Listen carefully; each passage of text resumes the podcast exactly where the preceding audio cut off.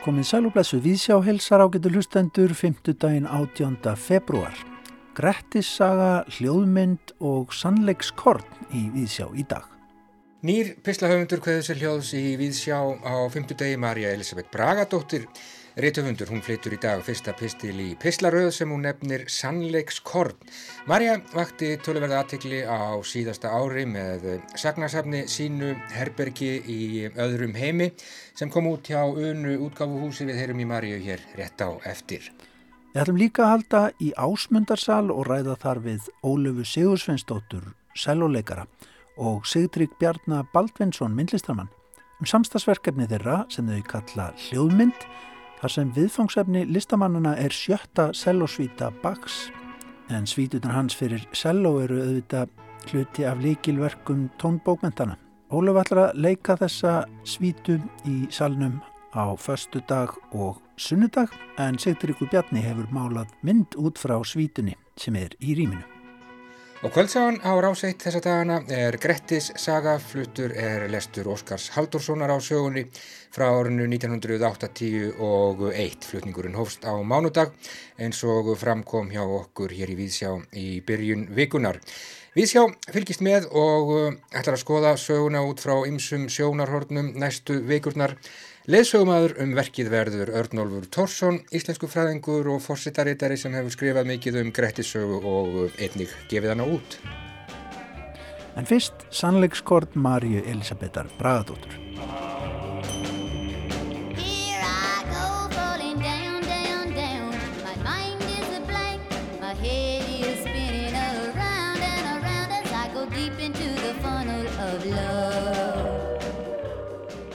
Ég hef mist samband við margar af þeim manneskjum sem ég einu sinni var, sagði bandaríski réttfundurinn Djóan Dedjón. Hún rálaði fólki að halda kunningskap við manneskjurnar sem það var í fortíðinni. Annars væri hætt við því að þær eldu fólk uppi. Þær kæmu óbóðunar um niðdima nótt krefðust uppgjörs. Af hverju yfirgafstu mig? Af hverju svegstu mig? Fortíðin leitar alltaf upp á yfirborðið. Hún sekkur ekki til botns í djúpi tímans. Þess vegna þarf fólk að skrifa hluti niður, saði Djóman Didjón, til að halda sambandi við það sem var, eins og það var, eins og það rumvurulega upplifði það. Djóman Didjón skrifaði þetta fyrir meira en 50 árum síðan. Hún talaði fyrir skrásetningu. Það var í leiðin til að halda sambandi við fortíðina. En hún sá ekki fyrir síma nútímans hvernig fólk heldur utanum minningar sínar með tilkomu símana. Þessi ótrúlegi fjöldi ljósmynda og myndskeiða sem fólk tekur á símana sína, eins og staðfestingu á þeirra eigin veru á hverjum tímapunkti fyrir sig. Allt færist það inn á iCloud, en á þetta dular fulla skí. Mitt skí er vist orðið yfir fullt, ég þarf að gera eitthvað í mínum málum. Þessar ótaljandi myndir eru íþingjandi eign, fjöldin er of mikill. Vinkona mín sagði, það er bara minnisköp. Settu allar myndinar á kupp, sað hún, og hvað ég að gera við kuppin? Setja hann í skartgripaskrinni mitt, grafa hann í jörðu. Þetta lætur mér ekki liða betur. Ég veit ekki af hverju, en ég held þetta láti mér liða verð. Get ég losað mig við þetta? Eða er þetta nöðsynlegt tenging við fortíðina? Rétt eins og skrifin voru fyrir Djóan Didjón. Um daginn lendi ég á spjalli við viðræðu góðan bandaríkjaman og hann var að segja mér hvaða væri svalandi að koma til Reykjavíkur eftir að hafa búið í L.A. Nú já, sagði ég. Mér þykir væntum mína gráu og köldu Reykjavík. En á regningardögum þá lyktar hún eins og rakur ullarsokkur. Og öðru kvoru þá þrengir borgin að öndunarveginum eins og ofur lítill rúlukrægi.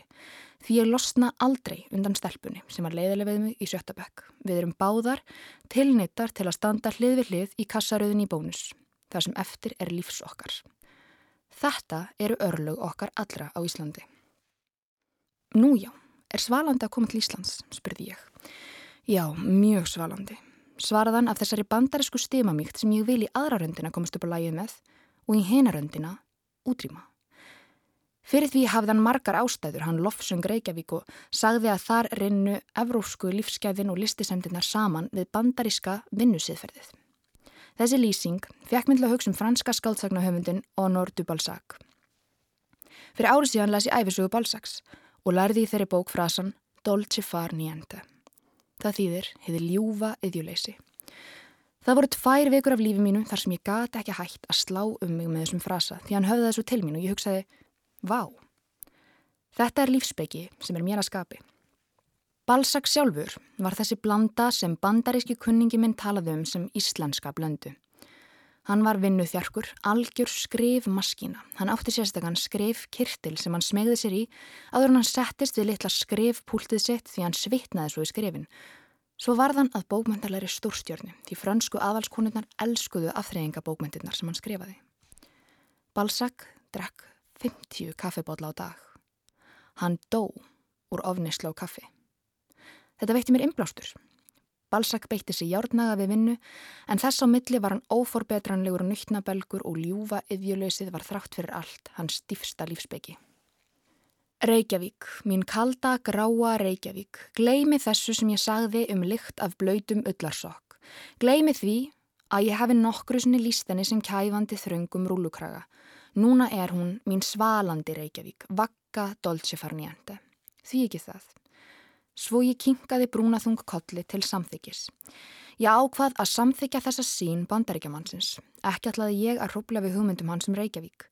Sérstaklega ekki þar sem bróður partur fullorðins ára minna hefur farið í það að standa vörð um romantíska ímynd eigunar.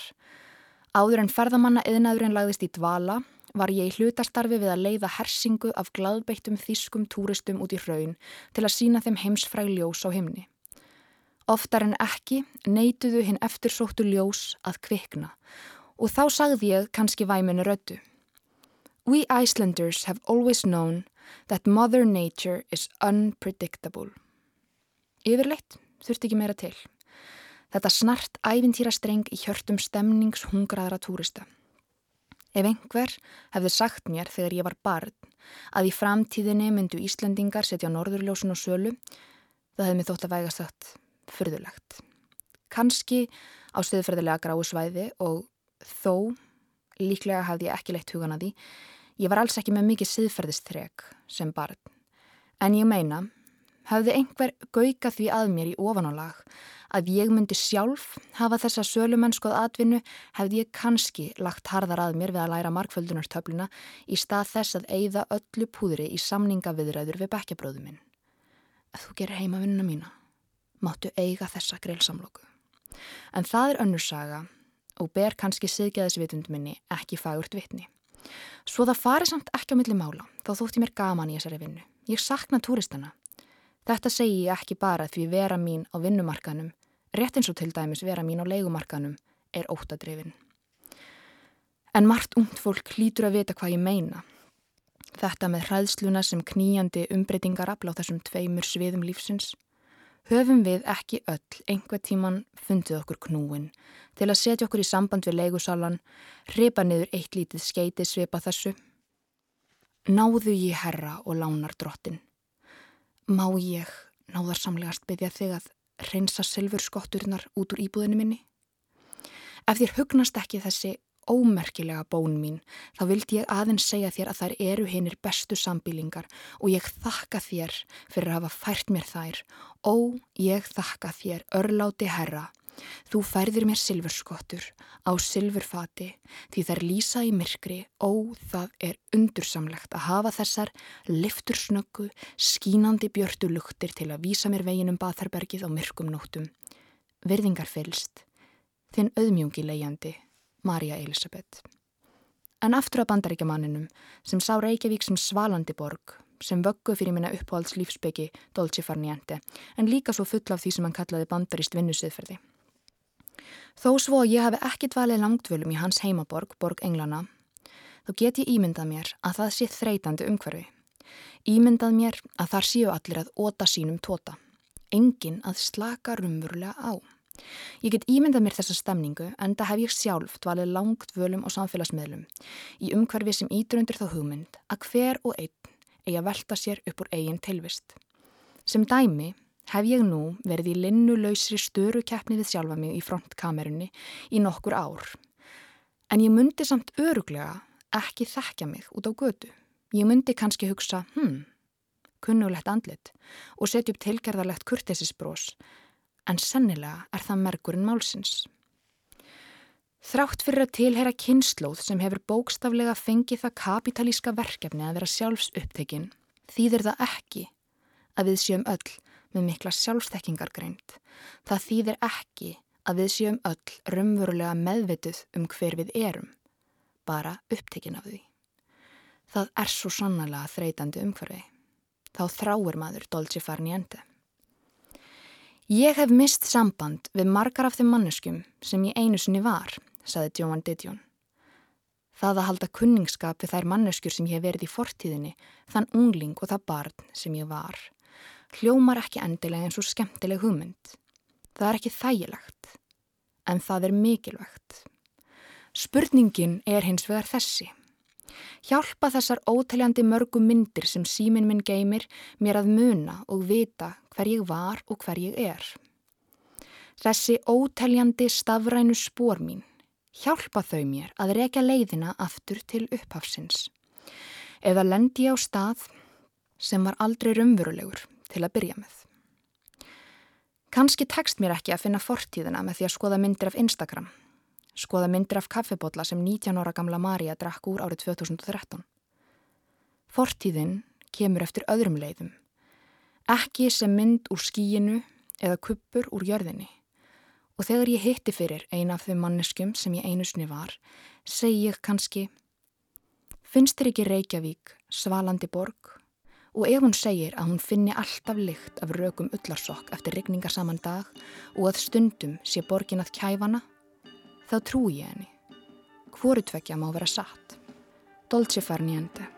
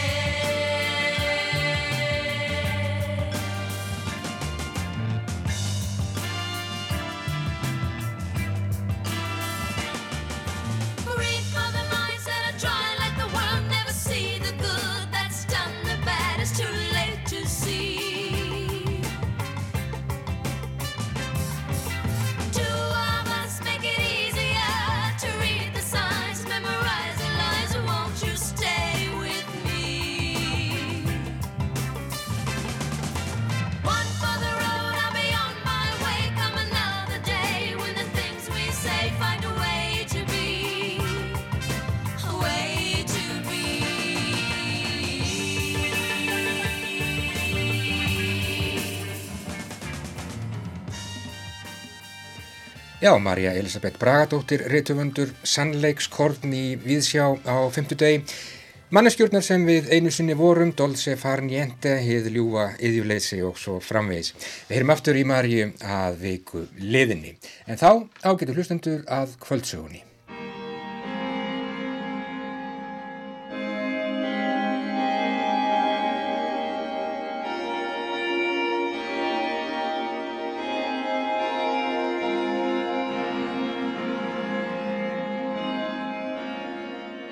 Kvöldsagan hér á Ráseitt uh, þessa dagana er Gretti saga. Við flytjum uh, lestur Óskars Haldurssonar, rómaðan lestur á Gretti sögu sem tekið var upp árið 1981 og fyrst útvarpað 1984. Við höfum að fylgjast með hér í Víðsjá og fjalla um Gretti sögu frá ymsum sjónarhornum í dag og næstu vikur. Leðsögumæður okkar um verkið verður Örnólfur Tórsson, fórsetarittari og íslensku fræðingur sem að hefur, já, bæði skrifað um Grettissögu vel og lengi og gefið hana út. Örnólfur, við ekki bara að byrja á byrjuninni? Hvers konar, hvers konar saga er, er Grettissaga? Það er nú bísna erfitt að kannski lýsa henni með ennfaldum hætti. Ég hef eh, stundum, mér hefur stundum fundist eins og hún væri aldalokaverk. Mm -hmm Hún verið samin á skiptistöðinni þar sem að miðaldir og endurveist mætast. Eh, sagan hillir kannski með eftirsjá og söknuði. e, einhver tíma sem er horfin, veröld sem var og kemur aldrei aftur, veröld hetjunar. Já. En hún er líka sami við upp að nýra tíma.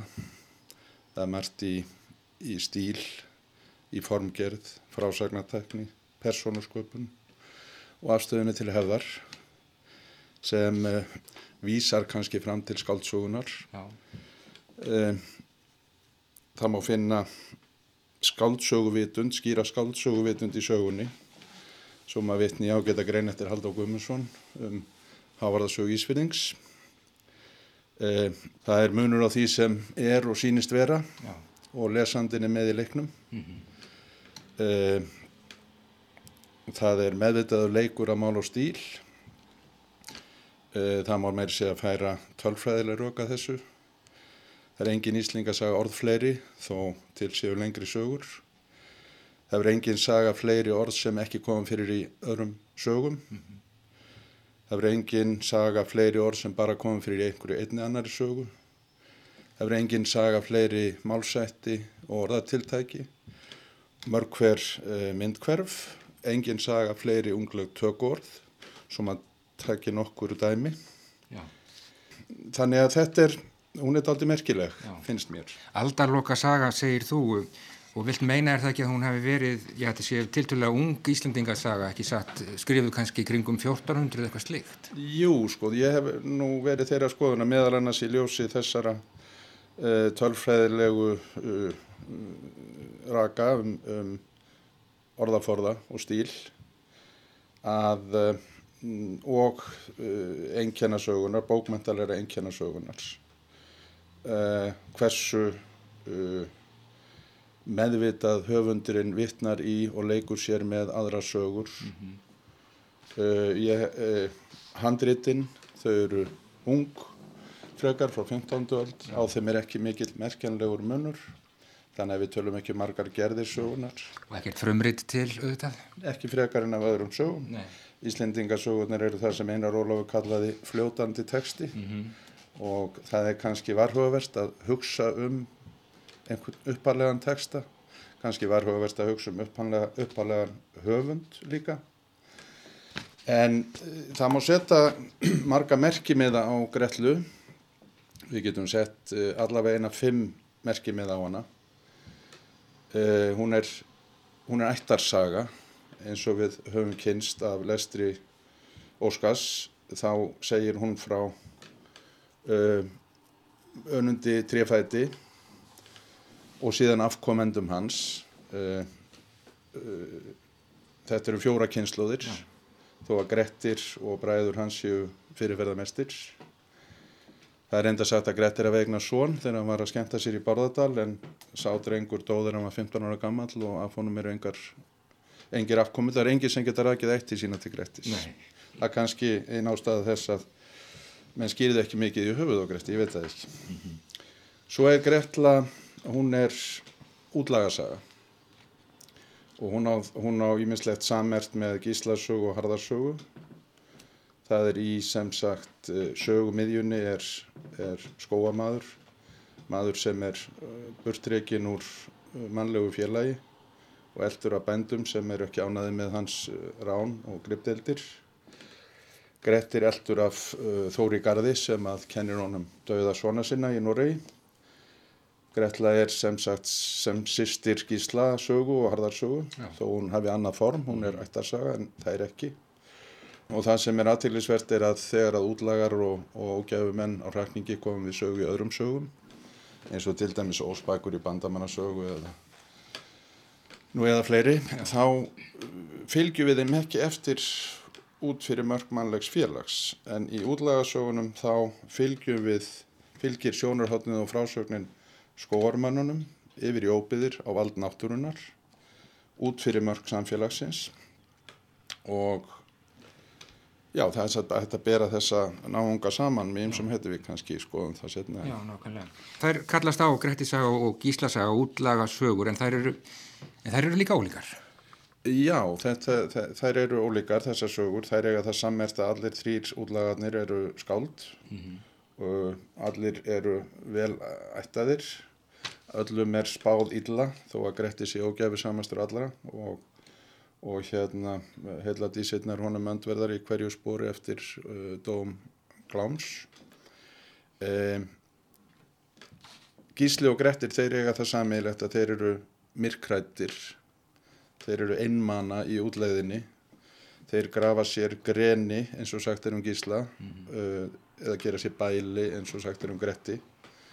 Þeir eiga í höggi við uh, einhverjar forneskjuverur eðinar forneskjuverur og þeir falla um síðir fyrir álugum Sigraður af konum. Sigraður af konum og sigraður af orðum. Mm -hmm þó þeir séu skáld. Og það er náttúrulega mjög merkileg uh, svona hugleðing um, um, um uh, Gretti að, uh, að merk, svona eftirminnilegustu orða sennur hans átök, það eru átök með orðum. Já. en já, þeir semst falla báðir fyrir heðinum áhrínisorðum hvenna þessir, þessar miklu hetjur. Um, en munurinn, munurinn er kannski sá að þegar að þegar að gísli fellur þá er hann þrótin að andlegum kröftum. Já. hann er hættur að geta sofið fyrir henni verið drömkonunni en heldur sínum líkamlega styrk. En Gretti eh, virðist vaksa þolgeði í útlegðinni eh, hann sem sagt er farin að líkamlegum kröftum þegar hann fellur um síðir. Mm -hmm en uh, hann hefur virðist hafa vaksið að andlegum styrk, það má taka eitt dæmi um það. Hann tekst þrísvarsinnum á við svona montrassa hm. fyrst er í Noregi Björn í Salti sem að sem að hann drefur svo er það Gísli Þorsteinsson þegar hann grettir er í Fagraskóafjalli hann eldir hann yfir allar mýrarnar og hýðir hann síðan við, við Hafjörðar á en þegar þess að þriði montrassin kemur Þóróttur Snorarsson þá lætur hann sína að setjast niður hjá hann og spjalla við hann. Já, nákvæmlega. Eh, Hefur þú hugsað eitthvað um, um, um það hver það geti mögulega hafa verið sem, sem færði þessa sögu uppáflega til, til bókar? Menn hafa nefnt já, mann eins og Hafliða Steinsson prest á, á Breiðabólstað til dæmis Guðni Jónsson nefndi, nefndi Hafliða Steinsson en Það var Átni Magnússon sem fyrstur stakk upp á því að uh, Grettis að veri sóðun upp úr einhverju verki uh, hugsanlega eftir Sturlu Þorðarsson Já. og uh, Sigurður Nordal leik sér áfram með þá hugmynd. Það er kannski byggt aðalega á því að það er vísað nokkrun sinnum í, í Gretlu til Sturlu Þorðarssonar og ekki síst um spjót sem að fannst á ofanverðum dögum hans, spjóti sem að Grettir sendi eftir Eh, sendi á Þorbjörn Öksnamegin það fannst ekki lengi í mýrinni og, og fannst ekki fyrir ná ofanverðum dögum Sturlu Þórðarssonars í þeirra manna minnum er nú lifa og svo fórum henn að regna og fundu það út að, að eh, verkið væri þá hugsanlega sami 1320 til 50 eh, hvort að höfundurinn er hafliði prestur það má einu gilda vegna það, það hjálpar okkur ekki neitt, Nei. við vitum ekkert um þennan afliða Nei, og, og störla, ef að Sturla hefur sett saman eitthvað verk um Gretlu eins og menn hafa velt fyrir sér og til dæmis Þórhaldur Vilmundarsson hann leik sér að þeirri hugmynd að þeir hefðu leikist á uh, lærdómsmenn á fyrir tíð og annars samið sögum hörð holmverakappa og hinn um Gretlu mm -hmm. Gretti um, þá eru við eiginlega engu nær vegna þess að svo, hvernig svo sem svo saga kann að hafa verið eftir Sturlu Þorðarsson þá er hún býst nálík öruglega þeirri sögur sem við nú höfum og við höfum ekkit annað. Ja. þannig að það er ástæðulegt að leitað einhverjum, einhverjum uh, gimsteini inn í þessari gretlu, hún er ágætt eins og hún er. Nákvæmlega. Um, Eða enda spjall okkar í dag Örnólfur á því að, að tala aðeins um þinn áhuga á grettisögu, hvenar fegst þú fyrst áhuga á grettisögu og hvers vegna hefur haft svona mikið áhuga á Grettisögun okkarlega? Já, ég veit það nú ekki alminlega en ég sko er náttúrulega orðin svo gammal ég er fættur fyrir daga og alveg upp fyrir daga síma og sjónvarps og, og slíkra hluta þannig að e, það liggur við að maður ná í skottið á einhvers konar einhvers konar kvöldvöku mm. þannig að við bræður fyrir okkur var lesin, voru lesnarið endursagðar ísningasögur í, þegar við vorum alast upp það gerði papp okkar og uh, þetta svona satt í mér daldi þessar myndir úr Gretlu uh, svona sem að kölluðust á kannski við aðrar barnabækur þegar Grettir var að fást við smábændur í Ísafyrði mm -hmm. þá fannst manni svona eins og Gulliver í Puttalandi eh, og svo átökin við, við náttúrulega glám og svona voru uh, stórkostleg ja. þannig að þessi áhugi kannski kviknaði bara í barnæskunni og, og síðan skrifaði ég löngu setna rittgerðum Gretti og uh, var þá eins og ég segja tógast eftir orðum við Gretluhöfund að skoða orðaforðan ekki síst og, og svona samsetningu sögunar. Nákvæmlega. Mm. Þannig að Tór hefur lesið fyrir ykkur Gretti sögu í kannan dag. Ég hef sann að við ekki lesið en ég hef sann að við endur sagt. Endur sagt henni. Nákvæmlega, Örnálur Tórsson við skulum láta staðar numið í dag. Uh, Aldarloka saga segir þú, já, söknur eftir svona hetju, hetju tíma og auðvitað stutt í, í, í þjóðsöguna, Gretti saga auðvitað mjög auðvug af, af þjóðfræðaefni og, og allar tegundir þjóðsagna sem að koma þar við sögu og við kannski tölum betur um það næst þegar við hittumst í næstu viku, höldum áfram að hlusta á Óskar Haldarsson flytja Gretti sögu á kvöldin hér á Rás 1. Takk fyrir í dag og heimast í næstu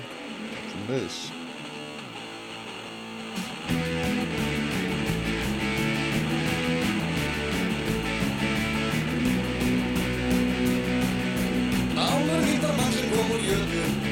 Mestur var þann eftir að hann dó.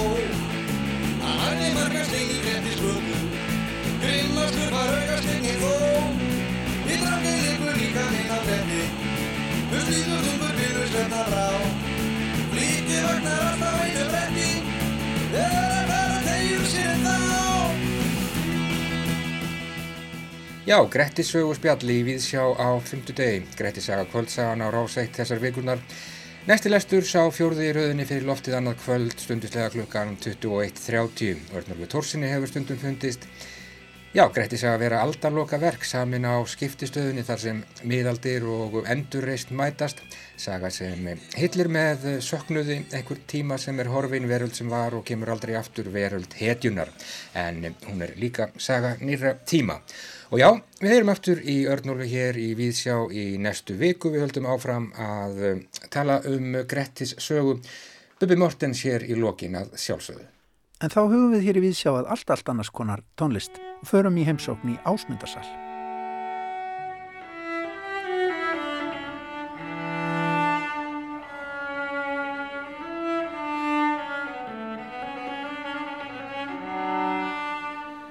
Víðsjá er komin í heimsókn í Ásmundarsal og hér mun fara fram á förstudag og sunnudag viðburður sem að heitir Hljóðmynd. Og það er eiginlega réttnefni vegna þess að hér er komið verk í salin mynd eftir Sigtrygg Bjarnar Baldvinsson listmálara og hér er Óluf Sigursvennsdóttir selvoleikari, hún ætlar að leika sjöttu svítu baks sjöttu sellosvítu baks á sitt hljóðfæri við þetta verk sem er sérlega búið til fyrir þennan viðburð, hljóðmynd hér í Ásmundarsal sko, ef við byrjum á músikinni Óluf, þetta er gammal draumur að bara að vaða í þessa svítu sem að er sko svona stingu sig aðeins frá hinnum sex, ekki satt? E, já, já, já, þú segir að leika hana á sel og ég ætla alveg að leika mér að henni Um, gammal draumur, já, ég meina þetta er svona orðalag sem að listamæðurinn notaði um, um þetta, hérna, þessa aðgerð mína. Og ég held að þetta sé bara mjög mikið lýsandi fyrir það að vera sæluleikari og láta drauminum að spila sjöttu svítun og ofinberlega rætast, það er ekki allir sem að takast á þetta verk, Nei.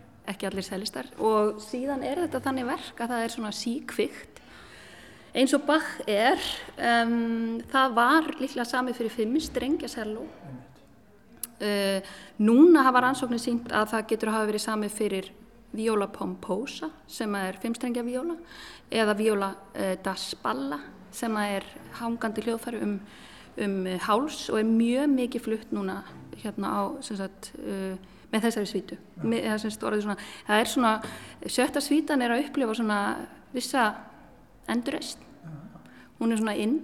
Hún er poppið núna í, í baksvítunum en það er náttúrulega svolítið eh, mikil áhætta að spila þetta á fjórastrengja sellói sem kemur til að því að ég ég hef aðgang af fimmstrengja sellói í Þýskalandi.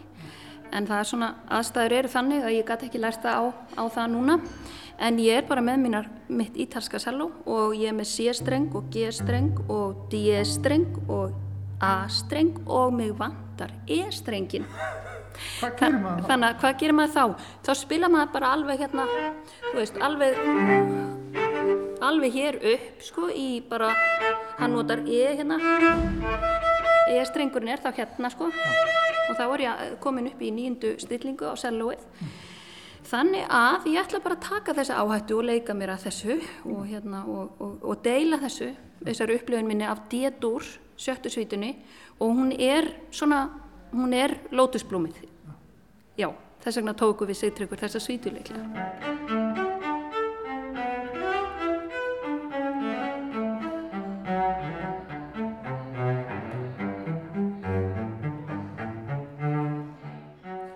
Sko, bara svo útskýrum það að þetta þýðir það að þú þarft að fara ef, sko, hvað maður segja, neðst á tónbretti hjá þér og það þýðir svo miklar tegjur í tóninum til þess að ná þessum há, háu tónum og það, allar þessar tegjur, það er náttúrulega það sem að það er trikkið, það er hérna það sem er erfitt er Getur þú tekið náttúrulega- kannski dæmi Já, bara svo er bara til dæmis í þessari svítu er Bach bara með miklu meira tónsvið fyrir vikið. Þannig að hann er með fjö, fjóra fjóra tónahljóma alltaf þessi tvígrip og svo í fyrsta þættinum þá er hann í rauninni að fara alveg sko, þá fer hann á mjög löngum kabla bara alveg upp í hérna í hæstu hæðir. Þú veist hann fer hérna um,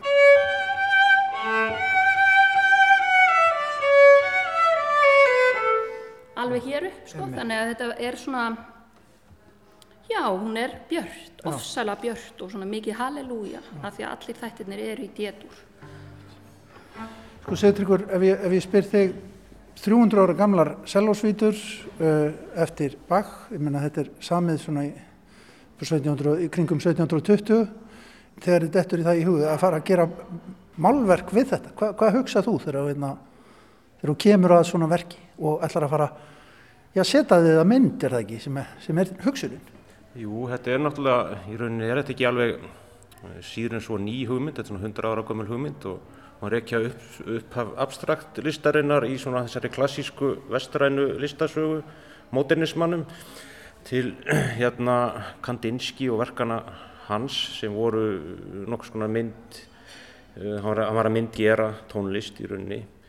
Uh, og uh, ég það vill þannig til, þetta er svona skildur ræknis vinna sem ég er að vinna því að ég hef verið að kenna lítafræði í, í hérna myndliskóla Reykjavíkur uh, krökkum sem eru að undirbúa sig undir háskólanámi í listum, í myndlist aðalega, hönnun og arkitektúr og ég hef verið að uh, tengja saman sem sagt þessi skildu fyrirbriði uh, hérna litina og tónana. Það eru svo óbáslega tónlistar neysla í dag. Það eru allir með í þökksje Spotify og, og mér finnst þetta að vera svo gott að við hérna, fyrir unga fólkið að hugsa aðeins meira um eðlið þessara hluta. Og það er svolítið með litina og tónlistina að við neytum hennar svolítið hugsuna lítið og uh, þetta byggja þessa brúa milli uh, það er, finnst mér mjög áhugavert. Uh, upp af þessa verks má reykja til þess að það var, voru uh, tónleikar á vinnustofunum minni kvartett sem var að spila og Ólaf var einna, einna hérna, gestunum á tónleikunum og við fórum að spjalla saman og svona gagkvæm aðdáðan okkar á bakk kom upp. En ég fann þetta allt í nú hjá mér að, að ég hafði aldrei gert þetta sem ég var að láta nefnendum mína að gera, að, að, að segja búa til myndir úr tónum. Og einhvern veginn, hvernig kvikna góðar hugmyndir, einhvern veginn var þetta til um þetta eh, þessi hugmynd að ég myndi reyna að myndgera tóna sjálfur og, og af því að Ólaf var þarna og við tölum um Bach og, og svona gagkvæma aðdáun okkar á því stórkostlega tónskáldi, mér stundum að þurfi bara tvo, tvo eiginlega, ég myndi alveg lifa það af þó að væri bara til Bach og, og Dylan, þá myndi ég, þá myndi ég vera góður. Ég held að ég er bara nokkuð þetta. það sleppur alveg sko, ég myndi sakna hins en, en mér finnst þetta alveg helmingurinn af öllu draslinu sko. og hérna, og Bach er þannig líka, og hann er svo dásamlega opinn fyrir tólkun virðisturæði, ég tek það fram að ég er ekki tónlistamentaður og ég tel það einhvern veginn í þessari vinnu ákveðin kosta því að ég einhvern veginn þessi leið frá tónunum og yfir í litina e, það stoppar ekki nefnum nótum eða nefnum myndrænu það bara kemur einhvern veginn beint hjá mér. Ég er ekki með þessa samskinjun eins og, og Kandinski var með og, og ég held að vikingur heiða sér hugsanlega með e, að, hérna, að ég sjá í bókstaflega að þetta flassi upp fyrir mér litinir strax heldur þarf ég að hlusta. Og svo komaði til mín litinir ég bara hlusta, ég sest fyrir fram tölvuna mína á svona góða bortölvu, góðu sándi. Og svo hlusta, hlusta ég á svítuna, ég hlusta hvert kabla í einu aftur og aftur og aftur. Og svo nota ég Photoshop forriti, það er svona dásamlega tæki sem svona color picker. Þá getur ég bara valið litin sem kemur upp í huga þegar ég heyri og til koma bara. Þessi litir, fyrsti liturinn var þessi fallegi heiminblái sem kom til mín og ég fann hann bara og svo finn ég þessa liti, ég hlusta aftur og aftur á fyrsta kaplan alveg heilan dag eða eitthvað svo leiðis og, og tek niður litina og raðaði mér sérstaklega svona randakerfi. Svo horfi ég á þetta aftur og aftur og, og, og sannfærist um að það, ég breyti þeim aðeins, ég, ég set aðeins mér í byrtu eða dekki eða, eða, eða tónan og þá til mér finnast þeir vera uh, alveg réttir. Og svo að því að ég er kannski fyrst og næst uh, síðust árin hef ég, já eiginlega mjög lengi þá, þá uh, hef ég fengist við naturalistin málverk og kannski meira og meira í, í, í setni tíð þá hef ég verið að, verið að hérna, mála náttúruna, já taka hana mjög naturalistum tökum. Ég veit ekki um, svo sem ég ekki dómar í því hversu merkileg þessi list mín er en ég er mjög fljótur og góður að blanda liti. Ég, ég, þessi liti sem eru hérna það eru mjög mikið litirni sem ég heyrði mm. og, og ég held að allir getu, ég held að allir geti þetta, allir geti heyrt það koma upp litir þegar maður hlustar á tónlist og ég hef bara, ég hef ekkert ígrundaðan eitt, ég bara segi þetta eru litin sem komu og bara verið velkomnis mm. og gjör svo vel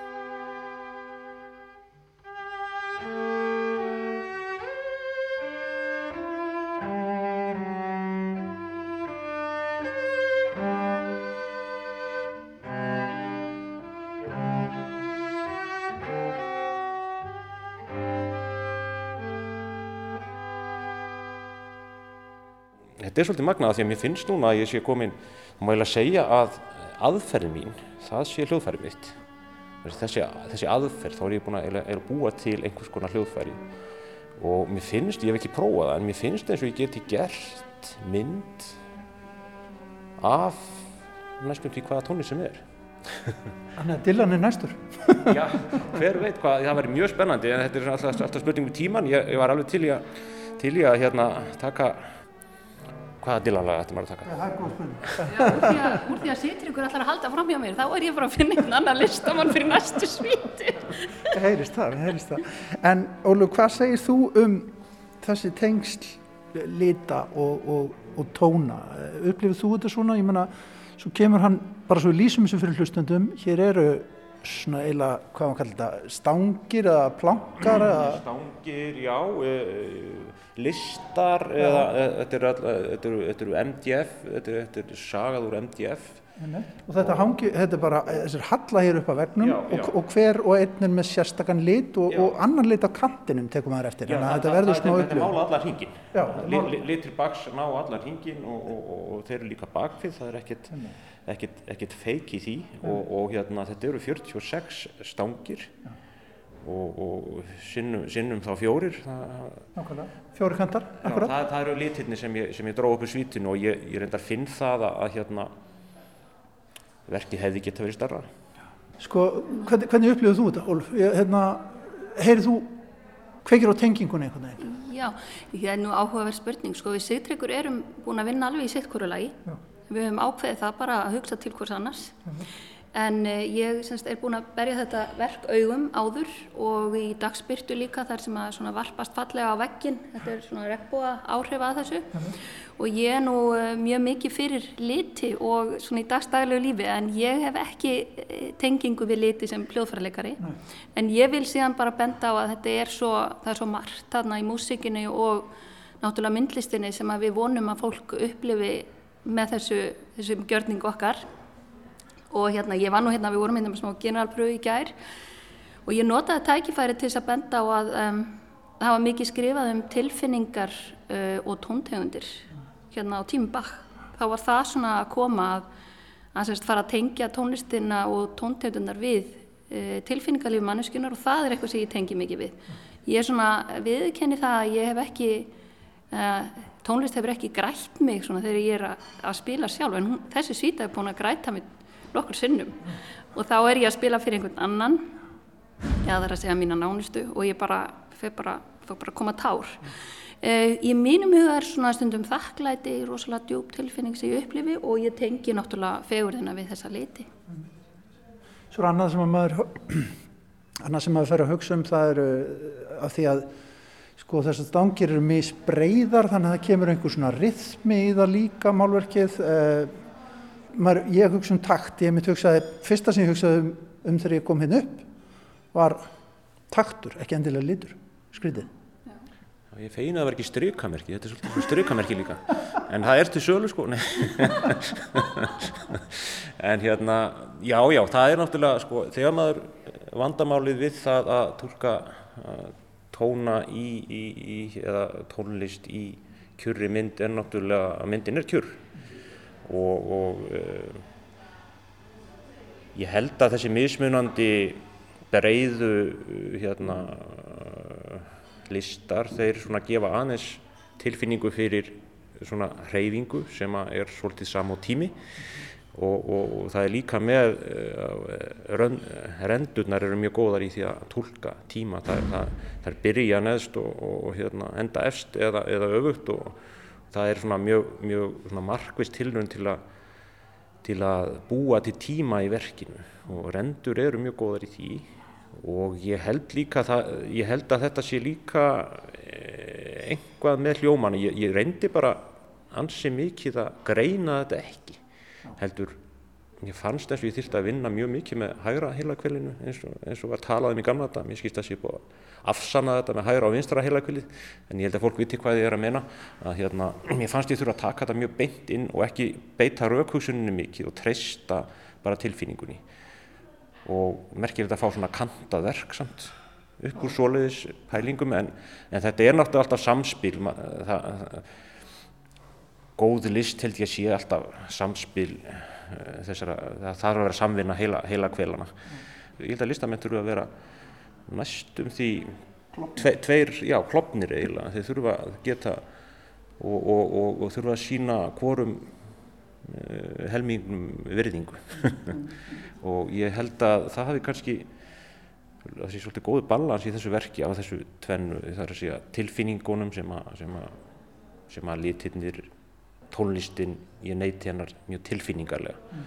og, og litirnir eru þannig líka að þeir tengjast fyrst og fremst tilfinningum. Mm. en svo þarf að koma þessu upp í eitthvað skipulag. Svo þetta make einhvern sens og, og hérna já, þarna er þetta.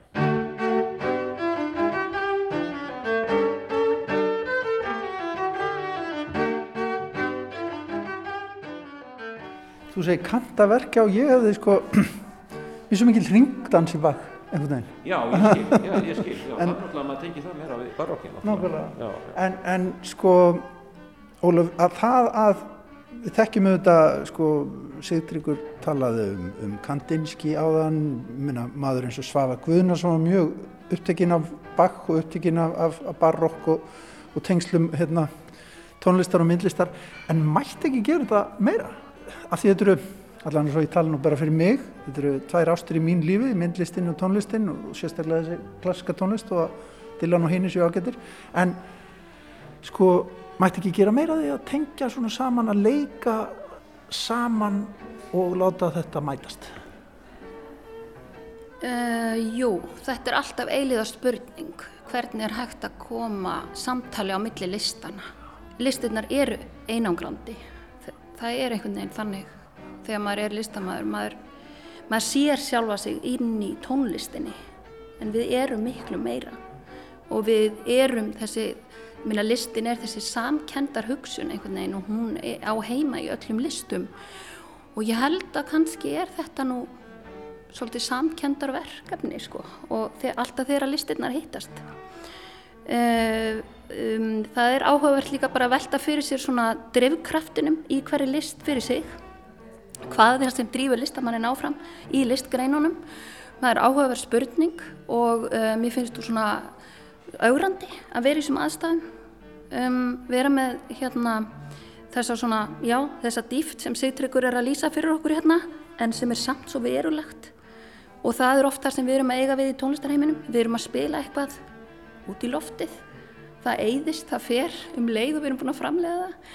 Og það er uh, stundum góð þerapía fyrir tónlistamenn að, að hérna, fara í smíða á smíðakurs eða gera eitthvað sem er þarna þegar þú ert búin að búa það til. Þannig að þetta er afar skemmtileg spurning já, hvernig, hvernig, já, hvort það er ekki hægt að gera meira þessu? Sko það eru tónleikar uh, á föstudag og sunnudag, þú ætlar að flytja þetta tvísar, það, fólk þarf að skrá sig ekki satt inn á heimasíð, það er best að gera það bara inn á heimasíð ásmundarsalar. Sko, það er nú bara gaman að segja frá því að við ætlum að flytja þetta á fæstuðarskvöld klukkan hálf nýju þegar það er uh, orðið dimmt og nú þegar það er rísandi sól þá munum við mjög líklegast vera í svona ljósaskiptum á sunnudaginn klukkan átjón en ég er svona, já, ég hvet fólk kannski til þess að vera opið fyrir því að, að, að koma kannski aftur á árið þegar ég kom með fimmstrengjasalóið og kannski við erum búin að búa til ennþá meiri útfærslu eða eitthvað e, því að ég veit að það er mikil ásókn og fáið sem komast að vegna sótvarna. En það er, það er ókipis, þú veist, maður það bara skrá sig eða hvað? Já, við erum uh, hér uh, sem sagt styrta tónlistasjóð og, uh, og sjóði millstamann og flytjum þetta eins og þetta sé í raunni listsýning.